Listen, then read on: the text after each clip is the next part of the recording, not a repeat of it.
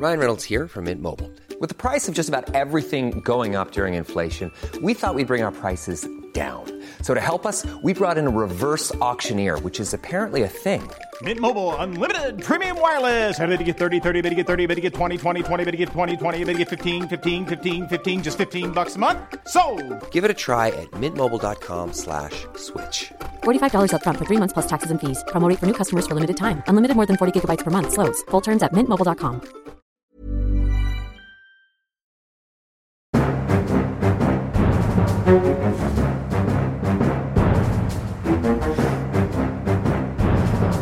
Ok, ja, men du, da tror jeg vi bare setter i gang ja, med en ny episode Aftenpodden USA. Kristina Pletten, vår kommentator, er verken i Bergen eller Oslo, sånn som du pleier denne gangen, men på den spanske solkysten. Eh, og det høres jo bare helt fantastisk ut. Man kan jo tegne seg bilder av sol og strand og bad og sånn. Men her, det, sånn det ser ut nå, så virker det ganske stusslig. Er verken sol eller kyst. Det er verken sol eller Ja ja, det er jo for så vidt kyst, ikke Jeg er bare noen hundre meter fra, fra havet i Aftenpostens luksuriøse villa. Det var en spøk Ja. på Costa Sol. Og eh, her har det regnet hver eneste dag. Det har regnet Ja, sånn eh, sludd med sand i, som de kaller for blodregn fra Sahara, så alt ble fullt i sånn rød gjørme. Det har lynet og tordnet, og det har i det hele tatt minnet mer om en ferie i Bergen. Som jo selvfølgelig er en fin ting, men, men du trenger ikke reise helt til Spania for dette her. Jeg har, jeg har lest at det er visstnok noe sånn som 20 regndager i året her nede, da. Og de har vi Ja. altså. Vi har hatt halvparten nå. Så Ja. det er, det er fantastisk. Det er første liksom, utenlandsferien på to år. Ja, du sitter jo i en sånn mørkt rom nå under en dyne, og du, det ser jo ikke ut som du kommer til å reise hjem til Norge sånn helt sånn solbrun. Uh, Nei, jeg heller, ser, eh, jeg ser på på bilder av meg sjøl at jeg er helt sånn grå i trynet. Uh, Ja. Så ja. Jeg kommer hjem med nedbrutt og sur. Men uh, sånn er det. Da er det jo har vært vår hjemme, da, i tillegg. Det har vært antydning til vår hjemme, så um, kanskje jeg kan liksom få en opptur av å komme hjem til solfylte Oslo. Ikke dra til utlandet, bare hold, holde seg i Norge. Her i, i New York, da jeg jo Øystein Langberg, USA-korrespondent, her har det vært helt fantastisk eh, noen, noen uker nå. Det har vært over 20 grader, jeg lå i parken og sola meg for ikke så lenge siden. Så det er mulig at det var USA du skulle reise til, da, og ikke, ikke solkysten. Ja. Du får komme deg en tur over snart, tenker jeg. Ja, det må vi få til. Og kan vi lage en pod her borte også. Du, i dag så tenkte vi Vi slipper ikke helt Ukraina, eh, men vi tenkte vi skulle løfte blikket litt og se hvordan krigen preger ulike deler av verden, og egentlig litt sånn hvordan ulike land har reagert. Og da tenker vi særlig på dette forholdet mellom USA og Kina og Russland, som jo er veldig interessant, og som settes på en skikkelig prøve. Det er på mange måter en slags sånn trekantdrama på gang her. Og jeg må si bare valgene Kina tar nå, kan jo få potensielt veldig store konsekvenser for verdensorden og fremtiden og sånn ting kommer til å være de neste tiårene. Ja. Så vi skal snakke litt om denne maktbalansen der. Men for først, det er lenge siden vi har laget en vanlig pod nå, så vi får bare snakke om hva som har skjedd siden sist. Jeg kan jo ta et punkt, altså det viktigste som skjer akkurat nå, i tillegg til Ukraina her i USA, er jo godkjenningen av Bidens nye høyesterettsdommer, Ketanji Brown Jackson. Der er jo disse høringene, der senatet skal på en måte spørre henne ut. Disse høringene er nå i gang, de har pågått noen dager. Republikanerne har slitt litt med å finne hva de skal angripe henne for. Hun er jo den første svarte kvinnen i den rollen. De er redd for på en måte å, å fremstå som helt out of touch, da. Men jeg ser det, at en strategi virker å være at de angriper eh, tiden hennes som dommer, um, og for at hun har gitt ikke strenge nok dommer til seksualforbrytere, virker som en sånn ting de har hengt seg fast i. Eh, og de kommer til å pushe henne på annet hvordan hun har dømt i barnepornosaker og sånn, som jo er en ganske sånn ja, Ja, stygg angrepsmetode, og med litt sånn skumle undertoner Ja. til noe av de konspirasjonene ute på nett der òg. Ja, jeg har sett det der, og det har jeg jo lurt på. Er dette hundefløyter? Og det tror jeg eh, glatt at det er. Altså, fra, I hvert fall fra noen av disse her eh, Ted Cruz og den gjengen der, så tenker jeg at dette er de, Det er ikke et tilfeldig valgt tema. Nei, og de vil nok da forsvare seg med at de må jo kunne trekke opp disse tingene. De mener hun ikke har vært streng nok, de mener hun er for langt ute på venstresiden da hun var altså dommer. Eh, og så blir hun også angrepet eh, litt for eh, at hun har forsvart fanger på Guantánamo, da hun var en sånn offentlig forsvarer, offentlig oppnevnt forsvarer for, for folk der. Men det er også ting som er relativt sånn enkelt å forsvare seg mot. da. Hun, altså, alle har, USA er en rettsstat, alle har eh, rett på, på forsvarer og, og en en trygg rettergang. Men det virker som det er liksom de tingene der da, de kommer til å hekte seg ved. Men spørsmålet er om det kan velte nominasjonen hennes og godkjenningen. Det tror jo veldig få, sånn det ser ut nå. Nei, og så skal de vel være litt forsiktige med å gå for hardt ut mot en afroamerikansk kvinne. Ja, ja. Og dessuten så er det jo veldig lite liksom på spill med denne utnevnelsen, fordi at hun erstatter eh, han som kanskje var den mest liberale dommeren fra før. Mm. De, Så det- I hvert fall en av de. Så det er ikke så veldig mye på spill for republikanerne. De kan kritisere henne litt, bruke litt hundefløyter, og likevel la hun få skli gjennom, liksom, uten for mye bråk. Ja, så Spørsmålet er egentlig om noen republikanere kommer til å stemme for henne i det hele tatt, i i godkjenningen av henne. Antageligvis har de med seg alle demokratene, og det er nok til å få henne godkjent. Men kanskje de får med seg én, to eller tre. Det ville jo vært en seier for, for Biden, og at det blir noe sånn tverrpolitisk. Vi får se. Eh, Det ser jo ikke Ja. ut som det kommer til å bli mange republikanere, i hvert fall. Og så vil vi bare ta med at USAs sentralbank har begynt å sette opp renten. Vi har snakket om inflasjon lenge. Eh, Nå har den første rentehevingen kommet. Spørsmålet er hvor mange flere som kommer fremover, hvor raskt det vil dempe farten i økonomien uh, og disse typer tingene her. Men nå virker jo sentralbanken sender signaler om at de vil, om de ikke er veldig aggressive, at de i hvert fall vil være villige da, til å sette opp renten ganske raskt for å få bukt med inflasjonen. Og at de ser ikke på dette som noe kortsiktig fenomen lenger, denne voldsomme prisveksten. Jeg har et uh, siden sist-punkt uh, som er lokalt her i Malaga, faktisk. Å ja, jeg tror egentlig man skal ha ting fra USA, men, Ja, men det handler litt om USA. vi kan utvide grensene. Ja, vi må utvide grensene litt akkurat denne gangen. For det er to ganger så har jeg altså på motorveien sett sånne trucker freedom-konvoier her nede. Haugevis av lastebiler som kjører kjempesakte og fløyter og veiver med sånne gule vester ut vinduene. Og. Så det der har i hvert fall spredd seg til sørlige Spania av en eller annen underlig grunn fra USA og Canada. Ja. Det er en interessant, veldig interessant fenomen. La oss bare skride til verket da og snakke om, om det vi skal snakke om i dag, altså Ukraina. Det har gått uh, to uker siden forrige ordentlige episode vi hadde om Ukraina. Eh, og faktum er jo, man kan gå tilbake og høre på den, den er egentlig fortsatt ganske relevant. Da snakket vi om hva Biden har gjort og hvordan han har møtt denne krisen. Det har jo ikke skjedd så ekstremt mye på bakken. altså Frontlinjen har stått ganske fast i Ukraina. Men det vi har sett, er jo at lidelsene har blitt verre og verre. Vi har begynt å forstå omfanget av, av hvor mye mennesker som stryker med her. Eh, enorme ødeleggelser av byer, hvordan Russland går frem, bomber sivile mål, eh, den type ting. Det har blitt mye, mye tydeligere. Så det er egentlig det som har skjedd siden, siden da. Ja, det, det tegner seg jo et bilde av en ekstremt brutal krig på begge sider. Altså, russerne bomber jo eh, sivile mål, ser det ut som. Skoler, mm. teatre, kirker til og med, et kjøpesenter eh, nå nylig. Men de sender jo også veldig mange av sine egne veldig unge soldater eh, i døden i denne krigen. Dødstallene er veldig usikre. Jeg har sett eh, noen eh, anslag som er på rundt 10 000 eh, falne soldater. Eh, og, og vi har jo også fått vite at en del av disse ikke har fått ordentlige opplysninger om hva de egentlig skal være med på. At de har blitt sagt at dette er bare en, eh, en øvelse, eller dette er bare en spesiell aksjon. Eh, Putin kaller det fortsatt ikke en krig. Så det tegner seg et bilde av en, eh, en, en menneskelig tragedie på begge sider av grensen, på sett og vis. Ja, og, og, og her i USA, da, fra mitt perspektiv, så får vi si at Biden nå skal ut på tur i Europa. Eller han er på tur i Europa. Det skal være Nato-toppmøte, han skal til Polen, flere typer ting. Og så har USA også vedtatt en ny stor pakke da med våpen og pengehjelp som de har sendt til Ukraina. Men i dag skal vi prøve å liksom se litt på hvordan resten av verden har reagert. Og vi har jo tidligere snakket om at denne krigen definitivt har vært et politisk jordskjelv for Europa. Ikke sant? Finland og Sverige har fått en ny Nato-debatt. Kanskje går de inn i Nato, kanskje blir det konsekvensen her. Tyskland skal ruste opp voldsomt. Masse land i Europa sender våpen til Ukraina. Bryter med tidligere forbud mot å hjelpe parter på den måten. Kan få konsekvenser for energipolitikk, forsvarspolitikk, EU-samarbeid. Det kan hjelpe Emmanuel Macron med å bare sikre en ny valgseier i Frankrike. Det kan svekke populister. Så i Europa er det på en måte ingen tvil om at dette betyr mye. Og så kan vi også se på USA. Her er det mindre tegn til at det blir et sånt grunnleggende vi kan kalle det paradigmeskifte. Det dominerer fortsatt nyhetsbildet totalt i USA.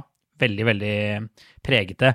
Eh, Vi ser noen endringer som at liksom Hauken i det republikanske partiet er på offensiven. Kanskje skyver tilbake noen av Amerika først-tendensene fra Trump om å, om å isolere seg og ikke hjelpe andre deler i verden. Nato styrer veldig sterkt. Spørsmålet er om det vil bety like mye her borte Eh, Det er litt vanskelig å se konturene av det. Det virker ikke som f.eks. oppslutningen om Trump har kollapset som følge av det her ennå. Han virker omtrent like solid som før, når man ser på målingene. Vi skal kanskje bare forklare kort det der begrepet Haukene, at det er altså den delen av det republikanske partiet som tradisjonelt sett har vært veldig for å eh, gripe inn eh, nesten hvor det skal være i verden med militær makt hvis eh, USA mener at deres interesser eh, står i fare for å bli krenket. Så det er det man kaller for eh, Haukene. Um, så Ja. har det jo vært en avstemning i Kongressen om uh, å gi støtte til Ukraina, og da var det jo noen republikanere som stemte imot, annet disse her, Mm. denne gjengen med rebeller som vi har snakket om, om tidligere uh, i Representantenes hus, og som har kommet med litt sånn Noen av de har jo også drevet og spredd litt sånn en slags propaganda, må vi vel kunne si, altså sånn russiske eh, spe eh, speaking points om mm. nazisme og så videre. Eh, Marjorie Taylor Greene er vel kanskje det verste eksempelet der. Ja, Verste eksempelet fra Georgia. Madison Cawthorn fra Nord-Carolina har sagt, eh, har kalt uh, Zelenskyj for en kjeltring eh, og den type ting. Så det er noen der, men det er en ganske marginal gjeng. Jeg så Ja. Mitch McConnell var veldig sånn frekk mot dem, og dette er en liten gjeng, de er på sidelinjen, ikke bry dere, jeg ville ikke tenkt for mye på de, sa han og smilte på TV her om dagen. Så, og vi ser at det store flertallet av republikanere f.eks. stemte for å bryte handelsforbindelsene til, Russ til Russland. Det var åtte som stemte imot, og 400 i, i Representantenes hus som stemte for, altså med demokrater og republikanere. Så, så, så det virker jo som de som vil ha en tøff linje, det er på en måte den store majoriteten av republikanere. Er en relativt marginal gjeng, den ytterste Trump-fløyen da, foreløpig. Men spørsmålet er om det vil endre seg over tid, da, at disse ideene om at Ukraina er så korrupt, og Zelenskyj er en globalist, og Putin egentlig har rett og sånn, at det vil feste seg over tid. For nå så, så ser man ikke så mye på målingene at eh, demokrater og republikanere ser på den krigen noe annerledes. De ser ganske likt på Russland, de ser ganske likt på Zelenskyj. Men kjenner vi USA rett, så kan det åpne seg en sånn kløft her, og at disse tingene kan etter hvert De tingene vi ser i sosiale medier, da, konspirasjonsteorien og sånn, kan smitte igjennom. eh, Og feste seg mer. Og skape partipolitiske splittelser. Vi får bare se etter hvert hvordan ting går. Ja, og det er jo en det er jo ikke en ubetydelig fløy av det republikanske partiet og av det der republikanske universet, medieuniverset, som Nei. er skeptisk til Ukraina, som er ganske vennlig innstilt, har i hvert fall vært det til Putin og Russland. Så det er noe liksom som ulmer under overflaten her, som jeg tror er fryktelig vanskelig for partiet å takle akkurat nå. Ja. Men ok, la oss snakke litt om resten av verden, da. Eh, I dag, som jo er planen. Og jeg tenker det er naturlig å starte med, med Kina. Eh, Det har vært flere møter mellom Kina og USA de siste ukene, og i forrige uke var det et møte mellom Joe Biden og Kinas president Xi Jinping. Um, og så kom det ikke sånn veldig mye konkret ut av det. Jeg på sånn, hørte på en sånn briefing, og der sier de at Biden gjorde det klart at det ville få konsekvenser for Kina om de hjalp Russland militært. Men de ville ikke si om han hadde truet med noen konkrete konsekvenser. Vi ser at USAs etterretningsbyråer har sagt at Russland allerede har bedt Kina om å få militært utstyr, økonomisk hjelp, for å komme seg rundt sanksjonene og for å kunne slå hardere tilbake mot Ukraina. Og fra Kina så, altså Det Xi sa etter dette møtet med Biden, er sånne generelle fraser om at partene må snakke sammen, vi vil oppnå fred og den type ting. Men igjen ingen sånn fordømmelse av Russland, f.eks. Men hva tenker, du, altså, hva tenker du om måten Kina har reagert på i denne, i denne krigen? Hva kan vi si sånn generelt? Altså, Kina har jo hatt en voldsom berøringsangst. De har eh, avstått fra å stemme i FN, både i generalforsamlingen og i Sikkerhetsrådet. Så de Ja, har liksom verken og det er verken over resolusjoner som skal fordømme Russland, så da Ja. har de bare sagt dette, vil, dette stemmer vi ikke på i det hele tatt. har de Ja, sagt. men de har ikke stemt med Russland heller. De har, eh, og, men de har heller ikke stemt med eh, flertallet som har fordømt. De har bare sagt Mm. at eh, vi avstår fra å stemme. Eh, de har ikke brukt ordet krig og invasjon. Det er de også forsiktige med. Det virker som om de helst vil holde fingrene så langt unna dette her som mulig. Det er en kjempevanskelig situasjon for Kina, selvfølgelig. Fordi Ja. at de har jobbet lenge nå, i årevis, for å få et godt og nært forhold til russerne. eh, Og ser vel på det som en, en viktig del av sin strategi. Sant? For å på en måte være en, en maktfaktor som kan utfordre USA. Men samtidig så er jo Kina så avhengig av eksport til eh, Europa og USA. Og, og kinesisk økonomi er så sammenvevd med vestlig økonomi og global økonomi, Ja. så det er ikke sånn at de kan rives løs så lett, og det, det vil jo slå veldig Nei. tilbake på de selv. Så de er jo sikkert også veldig redd for at de skal bli omfattet av sanksjoner på samme måte som Russland har blitt. Så derfor så, Ja. så sitter de bare stille i båten. Jeg fant et eh, sitat fra en, eh, en artikkel som jeg leste om dette her. Der står det at uh, det, det var noen kinesiske eksperter som hadde diskutert dette på et forum, som sa det at uh, China needs to watch the fire from the opposite bank and stay out of the way. Så Ja. de er sant? Så det liksom la, la Russland og Europa og USA krangle og svekke seg sjøl med denne krigen, så kan vi liksom stå og se på og være publikum. Ser, Spise jeg ser noen har, noen har beskrevet den kinesiske posisjonen som sånn nøytralitet, men en prorussisk nøytralitet. Så de kritiserer aldri Russland for åpent kamera. Eh, Noen har pekt på at de sensurerer ikke stemmer i Kina som støtter Russland, som sprer konspirasjonsteorier om at Russland eh, har gått til krig mot disse her så påståtte eh, fabrikkene for altså biologiske våpen og sånn. Sånne konspirasjoner. Det sensureres ikke, men det sensurerer stemmer som går langt i å støtte USA og Vesten. Så det, er, det sier jo kanskje litt om hvor, hvor, Kina, hvor Kina står. Jeg, jeg følger jo ikke med på kinesiske medier, men det er noen som har pekt på at eh, de, de også har liksom en tydelig sånn prorussisk ja, edge, da, om du skal kalle det det, men først og fremst så kjennetegnes det at det, det ikke vies så mye plass, denne konflikten. Det er ikke den, den øverste saken på Dagsrevyen i Kina, den er et stykke ned på listen, kanskje den kommer helt til slutt, noen minutter. Det er andre ting de vil at, eh, at seerne skal være mer, eh, mer opptatt av, egentlig.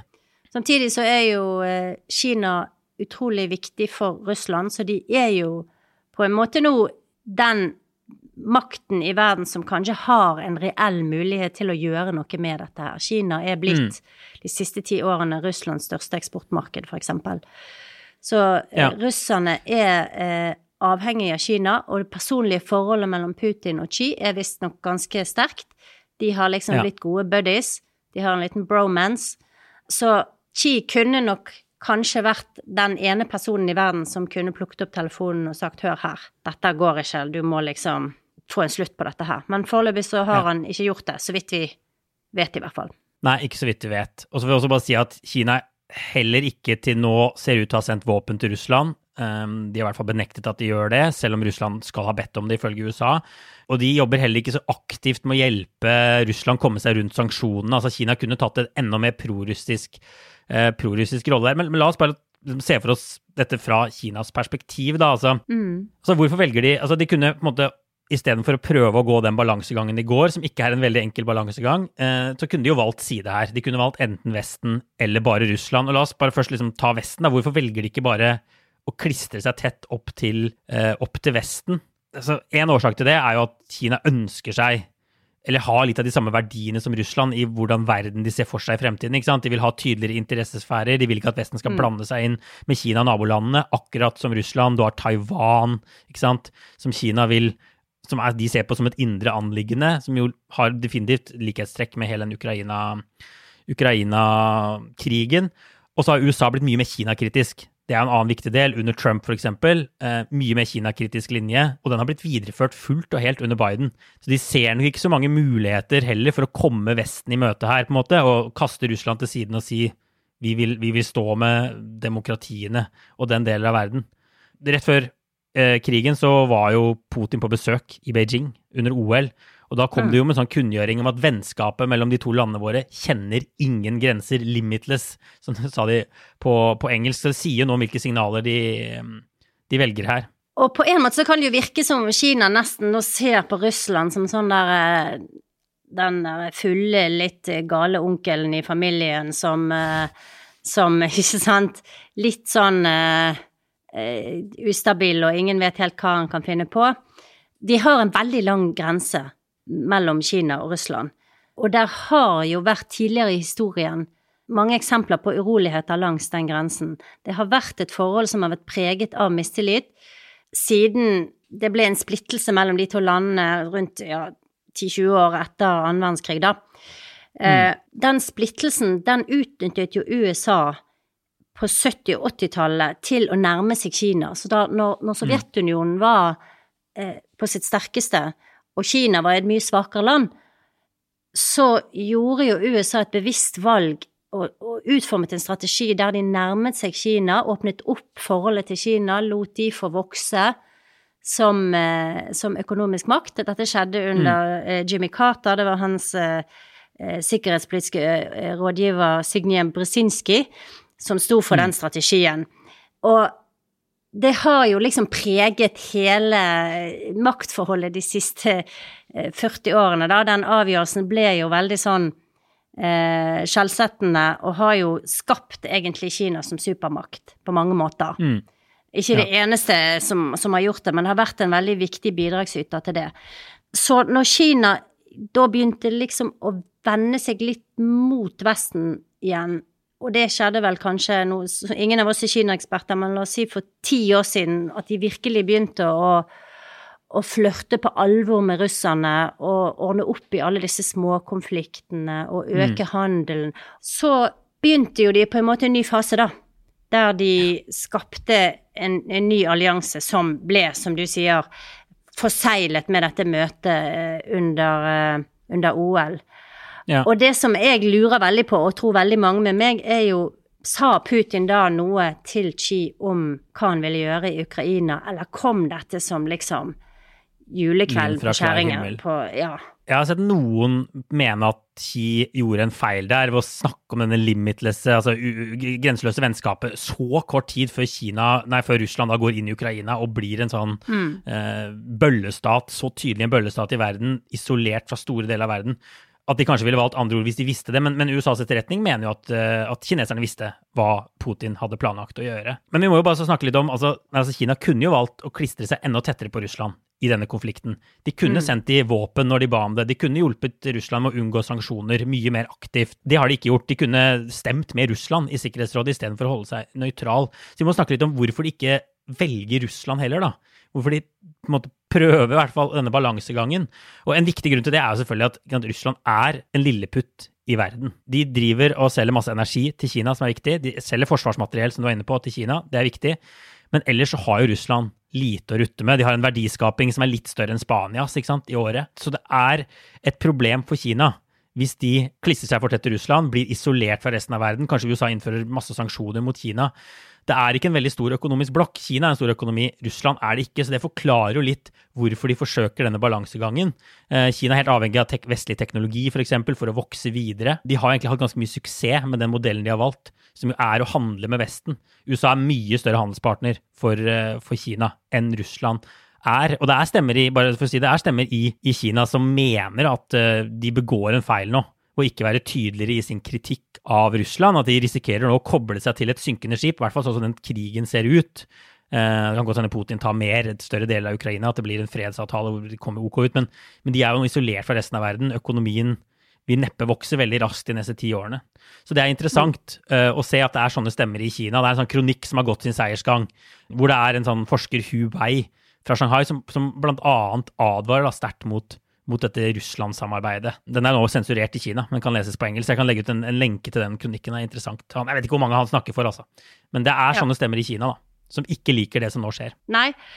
Og, eh, men sant, USA og Kina har jo nå de siste fire-fem årene vært i en stadig skarpere konflikt. Og det spiller vel kanskje en rolle, det også, at USA før, Rett før dette skjedde, så var USA og Kina sitt eh, forhold på et lavmål på veldig mange år. Ja.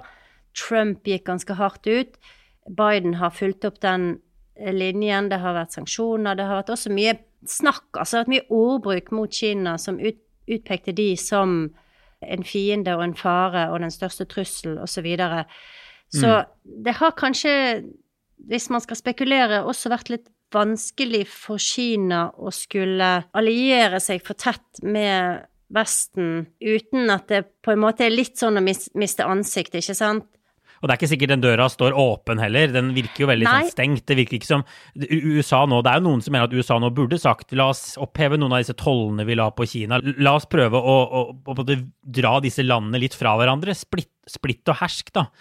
Eh, Men det er jo ingen tegn til at amerikanerne er interessert i det ennå. Det er jo en veldig sånn dynamikk i amerikansk politikk hvor Biden ikke vil fremstå som måte, svak overfor Kina. Ja. Det veldig, da, vil- da vil republikanerne veldig raskt være på ham. Så det virker ikke som det er så mye rom der, og det ser nok også helt sikkert kineserne. Det er ikke så mye å hente der. Men det hadde vært en mulighet, sånn som ting er nå, å isolert Russland enda mer og prøve å trekke Kina til seg. Mm. Men det er vel fryktelig mange amerikanere og mange i, i sterke krefter i Washington som ser på Kina fortsatt som en større trussel. Eh, Russland er en mer akutt trussel, og Russland er jo også farlig fordi de har atomvåpen, selvfølgelig. Og, og den er bare sånn et lite sidespor, denne sammenligningen med Spanias økonomi og alt det der, den blir jo litt sånn det er riktig at Russlands økonomi ikke er så stor, men samtidig så er jo Russland en stormakt på veldig mange andre måter, da. Eh, Mm. De har hatt stor innflytelse gjennom mange, mange tiår eh, gjennom Sovjetunionen. De har eh, verdens største land i utstrekning, så de har et enormt territorium som strekker seg over mange forskjellige folkegrupper, egentlig, og elleve Mm. tidssoner, tror jeg. Ja. Så, så Russland er jo ingen liten liksom miniputt. Det er jo et land, men, men, men som kanskje ikke har den eh, Selvbildet er kanskje litt større enn en realiteten, da. Ja, ja og, og, og de har atomvåpen, og de har vist at de er villige til å bruke militæret sitt aktivt. Da. De tar jo risiko. Noen peker jo på at det er betydelig forskjell også mellom Russland og Kina. Kina på en måte jobber delvis, da. De vil jo ha mer makt, og de vil ha interessesfærer, og de vil ikke at Vesten skal blande seg, men de jobber jo også delvis innenfor de eksisterende organisasjonene har jo hatt ganske stor suksess med det. Kina har blitt eh, i ferd med å bli verdens største økonomi på en måte, med den modellen de har valgt. Eh, mens Russland fremstår jo mer som en sånn, altså, bøllestat som vil rive ting ned.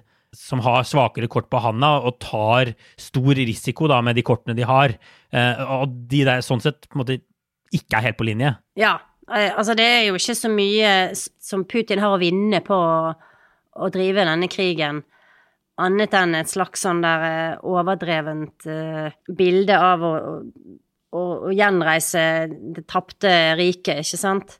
Men, men altså, kineserne er jo mer kyniske, mer strategiske, Uh, ville vel uh, neppe gått inn i en sånn krig liksom litt sånn willy-nilly, uten å, å, å ha bedre analyser og bedre strategi i det de gjør. Sant? At de, er, de, de gjør ikke ting uten at det har en veldig konkret oppside for de sjøl. Så de har jo, kineserne har jo jobbet så systematisk i mange tiår, og har jo invadert land i hermetegn på mange andre måter, med, med penger, med bistand, med, med sant, Belt and Road-initiativet sitt, som er å liksom bygge ut infrastruktur. Eh, De har noe som heter The Digital Silk Road, og, og hele kulturinnflytelsen som de etter hvert har. Så de har jo en økonomisk imperialisme som har vært mye mer suksessrik enn noe av det Russland vil klare å gjøre med bomber og granater. Spørsmålet da, bare for å ta det til slutt når vi snakker om Kina, er jo om de fortsatt kan sitte stille i båten, om denne, denne strategien vil fungere, og hva de egentlig er tjent med her. Altså Det de vel håpet på, var vel kanskje det Putin også håpet på, at dette skulle være en relativt rask krig, den skulle være over før Kina kunne nagles til veggen av Vesten, de skulle ta eh, Kiev, eh, ukrainerne skulle på en måte overgi seg, eh, og det ville nok kanskje vært en situasjon som også kineserne mm, kunne levd veldig fint med. ikke sant? Man svekker Vesten, man viser at uh, denne verdensordenen med ett stort, mektig USA som har kontroll overalt, er eh, over. Eh, Ru- Ru- Russland viser en stor finger til USA. Men så har det ikke gått helt sant. Det er vanskeligere å se sluttenden på det her, annet enn at det vil svekke Russland veldig. Vesten er mer samlet enn før. Vi får se. altså Jeg vet ikke. Tror du, tror du Kina kan fortsette med den posisjonen de har? Det- Eh, Jeg er ser jo mange som mener at de ikke kan det. At etter hvert som de sivile lidelsene blir tydeligere og overgrepene blir mer og mer dokumentert, så blir Kina tvunget til å ta side. På den annen side så er jo ikke dette kinesernes krig. Um, så de kan stå utenfor ganske lenge uten at de i hvert fall har noe Kan bli belemret med noe skyld, så lenge de heller ikke um, sender våpen eller involverer seg på noe sånn direkte måte, da. Ja. Eh, men, men dette her kan jo, ser det ut som, trekker ganske mye i langdrag. Og det vil jo antagelig komme mer og mer press på kineserne fra europeerne, fra Nato, om å gjøre noe, om å gripe inn. Kanskje vil også andre land i Asia begynne å legge litt eh, press på Kina, og da vil det jo eh, bli vanskeligere for de, tror jeg, å, å være så liksom hands off som de er nå. Ja. Det blir interessant å se. Det kommer helt sikkert an på hva Russland gjør. Det er jo snakk om at Russland kan komme til å bruke kjemiske våpen. Det er snakk om at de kan eh, slippe en såkalt taktisk atombombe. Sånne ting vil gjøre det enda vanskeligere for Kina å bare ja, så de sitter og snakker om fred og nøytralitet, og ikke fordømme Russland. Så vi får bare se litt uh, hvordan ting utvikler seg der. Vi må også bare snakke litt om, om resten av verden. Vi har nevnt en avstemning i FNs generalforsamling eh, hvor de tok stilling, da, alle land i verden egentlig, til en sånn resolusjon som fordømte Russland i ganske harde ordelag. Den kom for noen uker siden, og det presset jo landene til å ta stilling. I hvert fall sånn eh, i FN, da, på papiret. Det betyr ikke at de må innføre sanksjoner og sånn, men det betyr at de må si om de støtter Russland, avstår eller ikke. Og det var interessant, I den avstemningen så stemte altså 141 land for en ganske sånn kraftig fordømmelse av Russland. 35 land avsto, og så var det kun fire land i verden som stemte med Russland, og altså aktivt mot den fordømmelsen av det landet. Og det er jo en sånn broket forsamling land. Syria, Nord-Korea, Hviterussland og Eritrea. Eh, mange land som folk eh, tenker på som tradisjonelle allierte av Russland, som da enten ikke dukket opp i FN i det hele tatt, eller avsto. Så det ble tolket som en dårlig dag for, eh, for Russland. Vi sa Kina avsto fra å stemme. Et annet land som jo avsto fra å stemme, var India. Og India er jo en annen stormakt som potensielt kan sitte med nøkkel i, i, denne, i, denne, konflikten, men som også har valgt en posisjon som egentlig ligner ganske mye på den eh, til Kina. Heller ikke i Sikkerhetsrådet har India vært med å fordømme Russland. Eh, de stiller seg ikke på linje med Russland, men de avstår fra å, å stemme. Og India er jo da en stor mottaker av russiske våpen. De har sånn lang eh, historiske bånd med et militærsamarbeid. Og nå kjøper også India da russisk olje til rabatt, og de er helt åpne om, om det.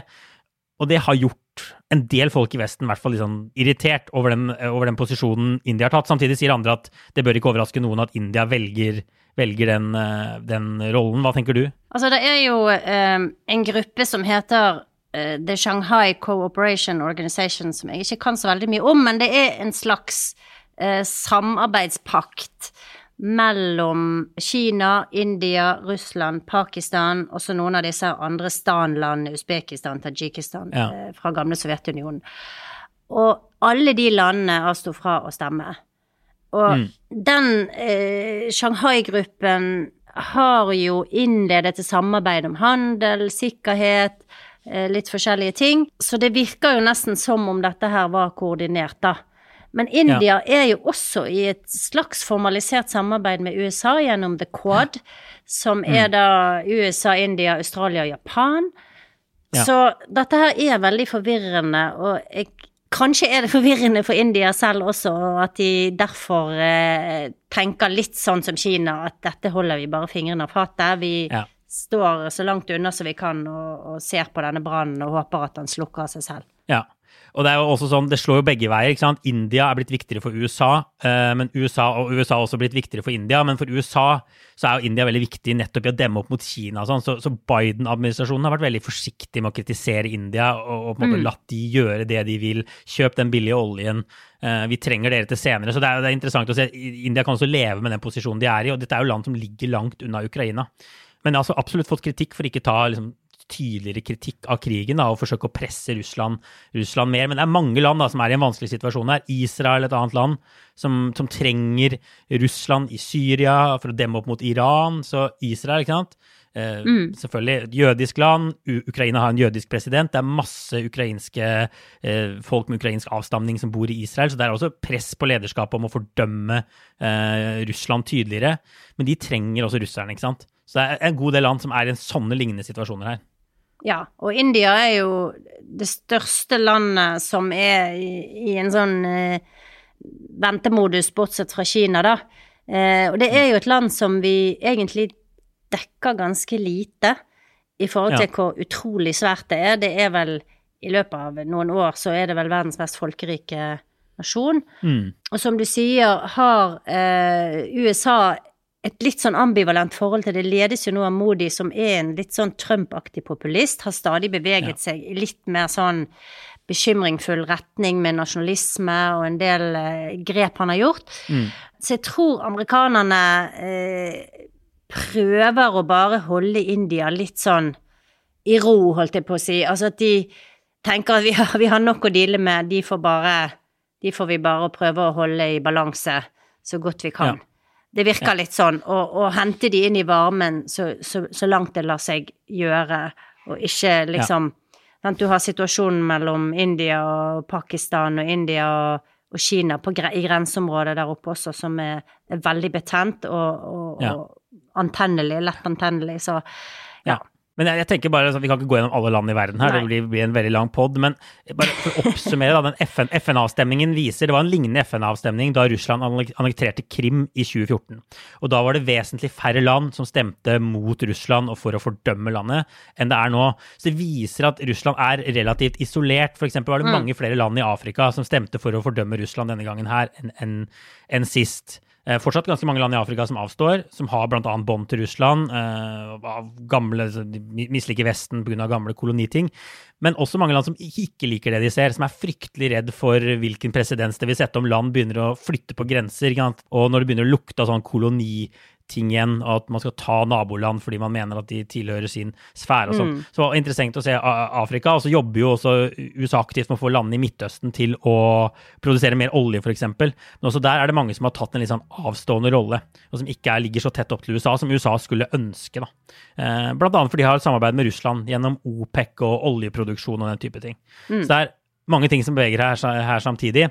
Eh, men vi får se. Jo lenger krigen varer, jo mer press vil noen av disse landene kanskje få på seg da, på å ta en tydelig, tydelig stilling. Ja, og for eh, en podd eller to siden, jeg husker ikke helt når vi snakket om dette her, men vi har snakket en del om eh, det amerikanske diplomatiet og utenriksminister Anthony Blinken. Og mm. noe av det Joe Biden gjør, er jo er å prøve å bygge opp igjen diplomatiet og de diplomatiske forbindelsene og kanalene til mange forskjellige land. Um, ja. Og det vil jo være verdifullt hvis de klarer dette her i denne situasjonen og kan bruke erfarne diplomater, bruke etablerte kanaler til å legge press på Kina, til å legge press på India, til å, å få til noen på bakrommet, da. Eh, så er nok mm. det kanskje en av de beste håpene man har for at dette skal kunne nå en løsning. Um, ja. Så vi får håpe at uh, Biden og Blinken og resten av den regjeringen er i stand til å Og, og har, har, har, har, klart å bygge opp igjen et godt nok system etter alt det Trump raserte, eh, til å liksom kunne ta fatt i dette her nå. Det får vi bare inderlig håpe, så det kan mm. bli en slutt på dette marerittet. Det var bra avsluttende ord. Jeg tenker vi tar en runde med obligatorisk refleksjon til slutt. Jeg kan egentlig starte. Jeg vil har en ganske kort OR i dag. Jeg vil bare anbefale varmt, jeg har gjort det før også, podkasten til Ezra Klein, han som grunnla nettstedet Vox, nå jobber i New York Times. Han har noe som heter The Ezra Klein Show. De siste fem-seks ukene så har han gjort gode, lange intervjuer med noen av verdens frem, fremste eksperter på Russland, stormaktspolitikk, eh, Putin og den type ting. Han slipper til ulike perspektiver. Den siste episoden jeg hørte, da intervjuet hatt en av de som tilhører denne realismeskolen innen faget internasjonale relasjoner. De er veldig opptatt av at land har interesser, interessesfærer, eh, at de er rasjonelle aktører. De mener jo delvis at Natos ekspansjon østover la grunnlaget for krigen. Eh, mm. Kontroversielt i noen kretser, men interessant å høre de ulike perspektivene. Han intervjuet også Marsha Gessen, som skrev den Putin-biografien jeg hadde som OR for noen uker siden. Ja. Han intervjuet Timothy Snyder, som forklarer hvordan måte, nasjonalistiske, fascistiske filosofer fra mellomkrigstiden måte har formet Putins syn på verden i dag har blitt trukket frem igjen. De hadde gravd noen av de opp og gravlagt de på mer prominente steder. Veldig veldig interessante podkaster. Så jeg anbefaler altså, for de som har tid, hør på mange av dem. De er mm. kjempeinteressante. Mm. Og min ord er jo egentlig en forlengelse av den. For det handler om cancel oh, ja. culture, og det handler om det å eh, la flere synspunkt få komme til orde. Eh, eller i utgangspunktet er en leder som sto i New York Times for noen dager siden, som het uh, 'America Has a Free Speech Problem'. Den Skapt sykt rabalder. Laget et sykt rabalder, og folk ble rasende. Og den handler om at det er veldig mange mennesker i USA som føler at de ikke kan snakke fritt. At de ikke kan si det de mener. Og lederen baserte seg på en omfattende meningsmåling som har kartlagt dette her i USA. Mm. Og poenget til de som har skrevet lederen, var egentlig det at dette er noe som både høyresiden og venstresiden driver på med på hver sin måte. Venstresiden som gjør det så vanskelig å snakke om en del temaer. Folk vet ikke hvilke ord de skal bruke om rase, om, om veldig mange forskjellige ting. Det gjør at folk bare trekker seg tilbake og orker ikke å ta fatt i det. Og på høyresiden så har du, som vi har snakket om mange ganger, disse forsøkene på å kneble eh, de som fremmer ting som de er uenige i. For eksempel er det en lov i Florida der man forsøker å, å feste til loven at lærerne ikke skal få snakke om f.eks. homofili før eh, ungene er så og så gamle på skolen.